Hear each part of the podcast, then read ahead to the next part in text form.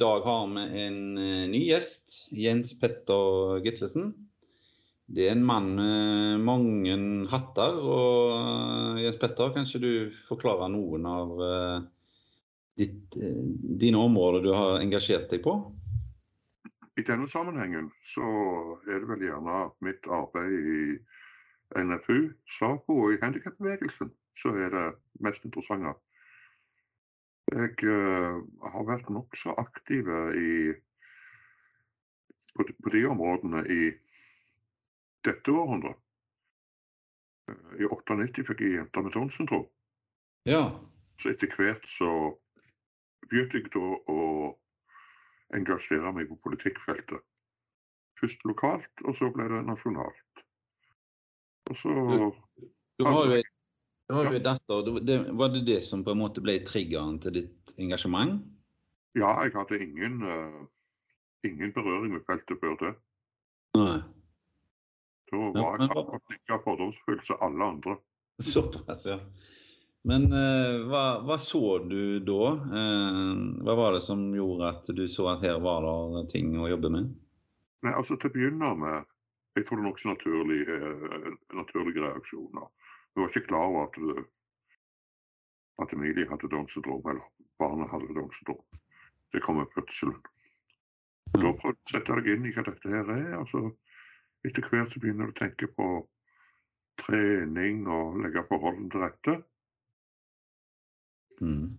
Så ser du at ting ikke fungerer så veldig bra. Så blir det mye klagesaker. Så min, for min del så skrev jeg noen avisinnlegg. Ja at de ble havna i NFU. Og så ble det litt kjent, og så var det flere som tok kontakt med meg. Så ble det flere klagesaker, og så balte det på seg. Ja. Så endte det der egentlig. Og da ser du jo at det er noe med problemer med systemet. Mm. Uh, og så begynte du å jobbe politisk. Uh, til å begynne med så har jeg en helt annen forestilling. Og så endte det opp med at jeg ble leder i NFU og var det i tolv år. Ja.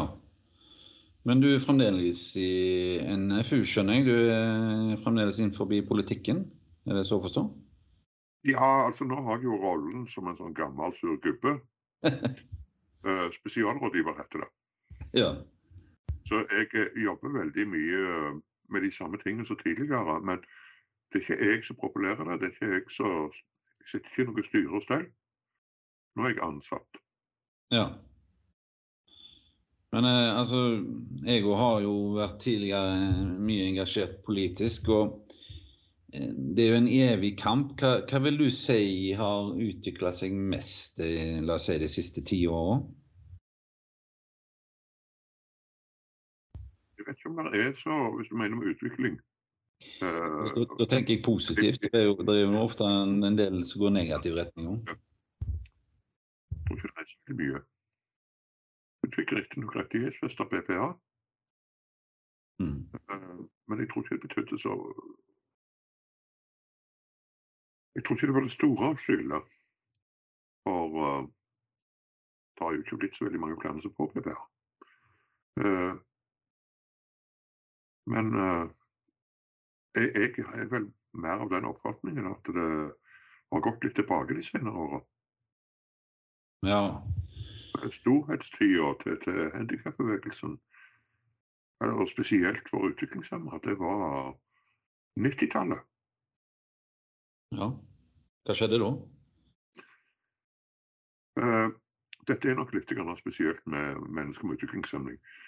Du fikk uh, reformen som kom i 91. Og når den kom i 91, så tror jeg at det var pga. at uh, departementet var blitt såpass godt opplært at de var i stand til å gjennomføre.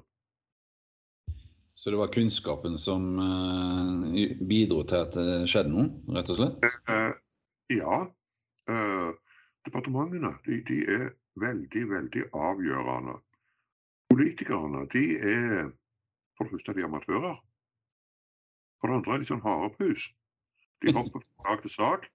Eh, de kan være veldig opptatt av saken når de behandler den. Men når de er ferdig, så har de forlatt den. Ja. Og så er vi veldig dårlig representert i alle sånne demokratiske organ. Så derfor er det veldig få politikere som kjenner til oss. Ja. Det som skjedde med mennesker med utviklingshemming, det var at når NFU starta i 1967, så var det en politisk bevegelse. Og så hadde han òg Arne Skouen med. Han var filmmaker, ble Oscar-nominert for Ni liv. Han var journalist. Og den gang var det veldig lite media. Mm. NRK var eneste TV-kanalen, og den begynte klokka seks med barne-TV. Ja. Uh, Arne Skouen hadde tilgang til alle medier. Uh, og så ble det trukket fram uheldige forhold i eh, eh, situasjonen til mennesker med utviklingshemming. Og så prøvde departementet å endre på det, og rette opp det. Mm. Men så kom, eh, så kom krisene. De kom hyppigere enn løsningene. ja. Og så begynte en å sette ned utvalg, eh, mer grunnleggende ting. Og så kulminerte det vel at de, med at i 84 så satte de ned Lossius-utvalget, som skulle se på forbedringer under HVPU. Mm. De leverte sin stilling og foreslo at du la ned hele driften. I mellomtida, det som skjedde i departementet, når de jobber med det, så må det bli flere folk på feltet. Og den gang var det Sosialdepartementet. Uh, og de folka som jobber med saken, de blir opplært i saken. Ja. Så når det da kom til 86, og de fikk uh, mottok Lossius-utvalget sin innstilling, så var de i stand til, godt opplært at de var i stand til å gå videre med det. ja. Og så satte de i verk reformen, og den gikk aldeles utmerka. Imponerende godt over god tid. Hva innebærer den eh, reformen for den enkelte, for våre lyttere som ikke vet helt eh, den prosessen? Ja, altså Det at en la ned institusjonsomsorgen, og det at en fikk det som i dag kalles for omsorgstjenester Mhm. Det, hadde, det kom i 91, og det kom delvis som et resultat av dette. Før det hadde en noen tjenester som kaltes for eh, sosialhjelp, litt som husmor og vikar og sånn, men en hadde ikke det som i dag kalles for omsorgstjenester. Mm. Eller PPA, praktisk bistand, den type ting. Det kom samtidig, det kom veldig mye som et resultat av denne reformen. Ja, ja. Så men det de hadde glemt Nå prater jeg om min forståelse av historien. Mm. Det var at parallelt med dette så gikk det et helt annet løp. Nemlig reformen i kommunene. Og det begynte òg i 86 med det nye inntektssystemet. Kommunene skulle få større frihet. Og det siste i den prosessen der, det var at du fikk grunnlovfesta det kommunale selvstyret i 2016. Mhm. Så reformen den ble i stor grad styrt av staten. Og den måten den ble styrt på, altså de virkemidlene, de Mm. har en å kvitte seg med. Ja. Samtidig med at Sosialdepartementet ble til Helsedepartementet. Og i Mm. dag er det Sykehusdepartementet. Og kompetansen ble De økonomiske sidene av saken havna i Arbeidsdepartementet. Mm -hmm. ansvaret for eh, funksjonshemmerpolitikken havna tidligere i, i, det som tidligere var BLD. Så ville ikke Ropstad gå i pride, og dermed så havna det i Kulturdepartementet. Og da har du da har du fått en situasjon der de som har ansvaret for politikken, ikke har noen av virkemidlene. Nei. Og det å ha ansvar uten myndighet, det er ikke særlig bra. Er det dårlig butikk? Det er, ja, da er det vanskelig å få gjort noe. Mm. Og dermed så, altså Det en har kontroll på, det er ordene. Derfor kommer det veldig mye honnørord ut, Mm. og veldig lite uh, effektive tiltak. Så ligger eh, de som utformer politikken Når du tenker på PPR, og sånn, så er det jo først og fremst eh, Helse- og omsorgsdepartementet som er ansvarlige. Men der er det jo primært helse de er opptatt av. Det er blitt sykehusdepartement. Og, og, og det er veldig sånn vekst i, i sykehusene, det skal vi være veldig glad for. Mm. Det fører jo da til at eh, alt som er omsorg, og herunder PPA, det Mm. skvises ut. Og det blir i stor grad uh, betrakta som en utgiftspost. Mm. Ja, altså jeg jobber med, med BPA til, til daglig, som du kanskje vet. Og jeg, jeg ser jo disse sakene eh, i den forstand at eh, har du en utviklingshemming og i, er i bolig i dag og ivaretatt av kommunen, så er det det de ønsker å fortsette med. Eh, men når du da får på plass en BPA-ordning, så blir det på mange måter eh, Da går du fra det jeg, vil kalle for oppbevaring til et mer verdig og aktivt liv. Og da er vi inne på noe som jeg vil kalle for eh, kognitiv diskriminering. Dvs. det vil si at hvis du har en fysisk funksjonshemming, så har du et sterkere kort i en søknad enn hvis du har en, eh, en søknad basert på mer kognitive utfordringer. Hva, tenker, hva tenker du om sånne ting? Kanskje jeg, jeg, jeg vet om veldig mange med fysiske utfordringer som sliter veldig for å få den bistanden de trenger. Det kommer òg i avisen av og til. Jeg vet ikke hvordan den avveiningen der er. Men det som er tilfellet på vårt felt når det gjelder utviklingshemming, eh, der kalles det ikke for kognitiv diskriminering, det kalles for stordriftsfordeler. Ja. Og det er blitt helt stuereint å, å prate om. Det kan stå i kommunale dokumenter, eller du finner det til og med i kommunale dokumenter. Og det går ut på at uh, istedenfor å gi individuelle tjenester, så kan du gi kollektive tjenester. Og det kan du uh, spare mye penger på. Det, det er nokså nok, nok, nok tullete. Altså, det er helt, jeg er økonom, og det er helt Ja. feil å kalle det stordriftsfordeler. Mm. Eller det gjelder hvis du når du produserer det samme produktet eller den samme tjenesten. Mm. Men her er det ikke snakk om å produsere det samme produktet eller gi den samme tjenesten. Her er det snakk om å gi mindre tjenester. Ja. Eh, Det er grunnen til at de ønsker store bofellesskap.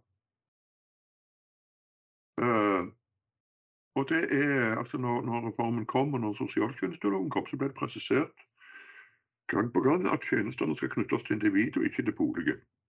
Mm. Men i dag er det blitt stuereint å gjøre det motsatte. Og Så det er en egentlig- den, den formen er blitt pulverisert på mange måter, så intensjonen bak den. Ja, tankene bak den, ideologien bak den, ja. Og det er jo derfor en sliter med BPA òg. Mm. BPA er jo veldig mye på, på sett og vis er BPA både billigere og dyrere. Enn Det, må kommunale. du, det, må du forklare. Ser du time for time, så er det langt billigere enn kommunale tjenester. Men du har ikke muligheten for å gi kollektive tjenester. Mm. du har BPA.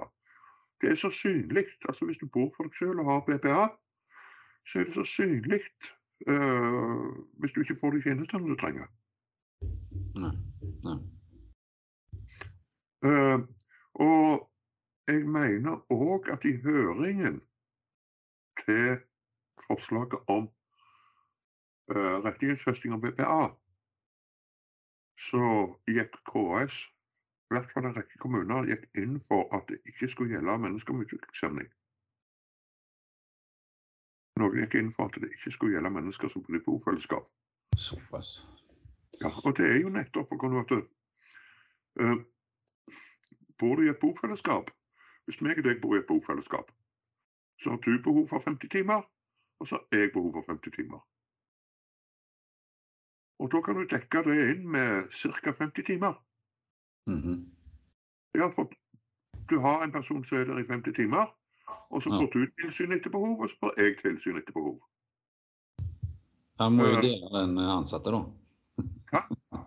Nei, vi må jo dele den ansatte seg. Ja, altså det er problemet. At hvis du skal besøke moren og faren, så må jeg være med. Ja. Det blir et veldig stort problem hvis du ikke liker meg, eller jeg ikke liker deg. Nemlig. Ja, Ja. men dere er vi ikke da inne på eh, menneskerettighetsspørsmål, eh, Jens Petter? Det er jo så vidt, så jo, absolutt, absolutt. Jeg kan nevne at i, i en av rapportene i Molde kommune, der står det at de kan spare 40% på denne måten. Såpass. Og da blir det jo veldig bill mye billigere med, med kommunale tjenester. Ja, ja. ja, ja. Men for den enkelte så Jeg vil si for den enkelte så er det jo eh, katastrofe, egentlig, hvordan livet kan egentlig bli. Eh, og jeg, jeg kaller sånne løsninger for oppbevaring. Jo, men det blir jo det, og det kan være verre enn det òg. Spesielt hvis en ikke trives sammen. Mm. For det er gjerne en grunn. Det er gjort en del undersøkelser på bruken av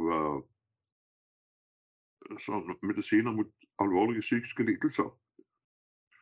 Psykose og depresjon. Mhm. Og eh, norske tall viser at eh, mellom 40 og 60% av voksne med utviklingshemming gis sånne medisiner. Hva sa du, de gir ikke? Mellom 40 og 60 Mhm. av voksne med utviklingshemming i Norge Ja. får sånne medikamenter. Å, sier du det? Ja. Og det er vel egentlig, det er jo ingen grunn til å tro at såpass mange har disse alvorlige lidelsene. Så det er vel at det driver som medisinerer folk for, mis, eh, for, for uh, mistrivsel. Ja, og så blir hverdagen enklere for de kommunalt ansatte. Det er vel kanskje det hvor det ligger? Ja, altså det vil jo være når du får sånn, eh, hvis du er litt sånn utagering og litt for, litt, for oppkjørt, da, så, Mm. så virker det jo veldig godt med antiskotika. Ja. Da. Men hvis du blir, blir sånn depresjon, da blir det jo heller det som kalles for en god bruker. ja. Du gjør ikke noe, du sitter der. ja. Men Vi er jo fremdeles inn på menneskerettighetsspørsmål her, altså i aller høyeste grad. Det er jo egentlig en skandale du forteller der, med sånn overmedisinering av utviklingshemma. Eh, Du mottok en pris i 2021, kan du si litt om den? Ja, altså det var menneskerettighetsprisen til, til Universitetet i Oslo.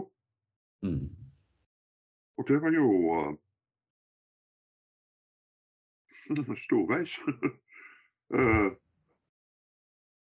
en ting var jo at det var, koselig personlig. Det er jo alltid kjekt å bli verdsatt Mm. og bli prisa. Men uh, på feltet, for dette priset henger rimelig høyt. Mm. Og Universitetet i Oslo har sterke miljøer om menneskerettighetsfeltet. Mm.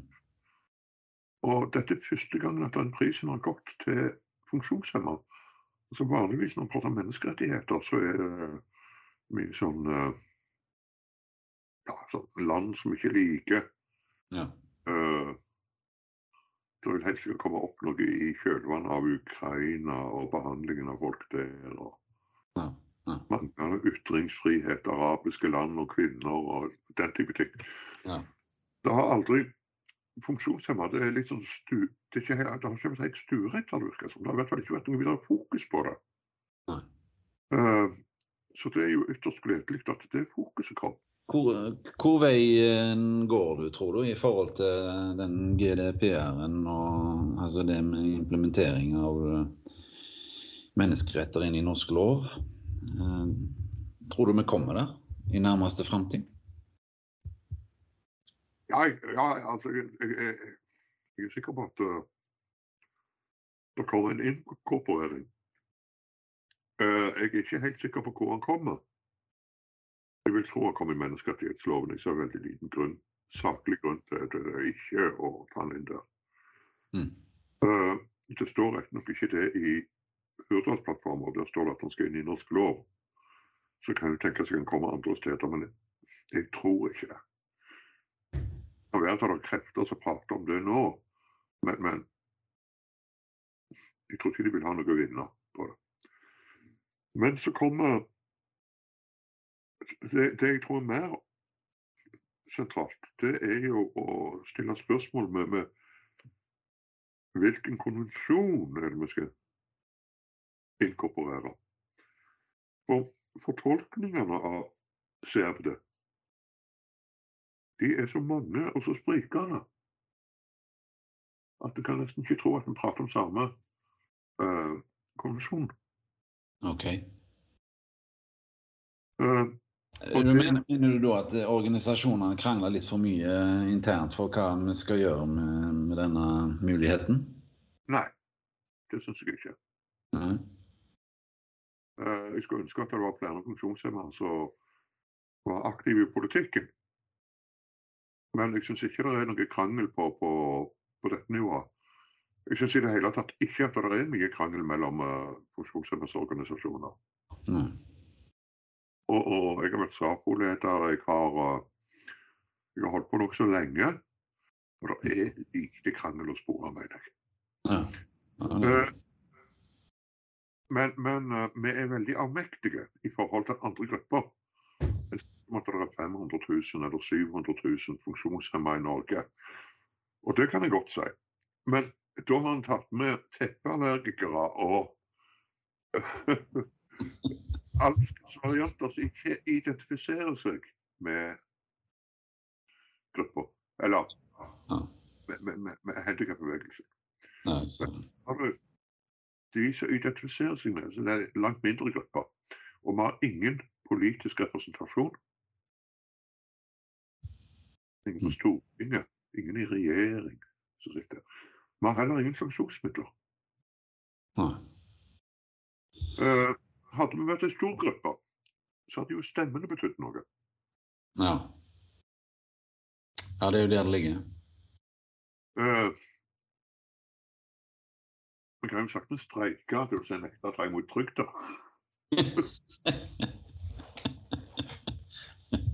Ja, det, det hadde vel bare blitt positivt mottatt. Ja, ja. Og når konvensjonen skal implementeres eller inkorporeres, så kommer det vanligvis da et lovforslag. Eller det kommer alltid et lovforslag. En proposisjon. Og der vil forståelsen av konvensjonsbestemmelsene eh, stå. I hvert fall mye om det. Mm. Og det, det vil være veldig avgjørende. Altså det er der kampen eh, bør, eh, bør stå, da, tenker du? Det tror jeg vil bli den viktigste kampen. Mm. Ja. Men det, da, tror jeg, Jens Petter, vi, vi runder av her nå. Vi har fått et godt innblikk i både deg og eh, dine meritter, og ikke minst hva tanker du har rundt menneskerettigheter og hvor BPA i dette bildet. Så mm, jeg vil si tusen takk til deg og ditt bidrag. Jo, takk for at du fikk komme. BPA trenger ikke være vanskelig. Vil du vite mer? Besøk oss gjerne på miobpa.no.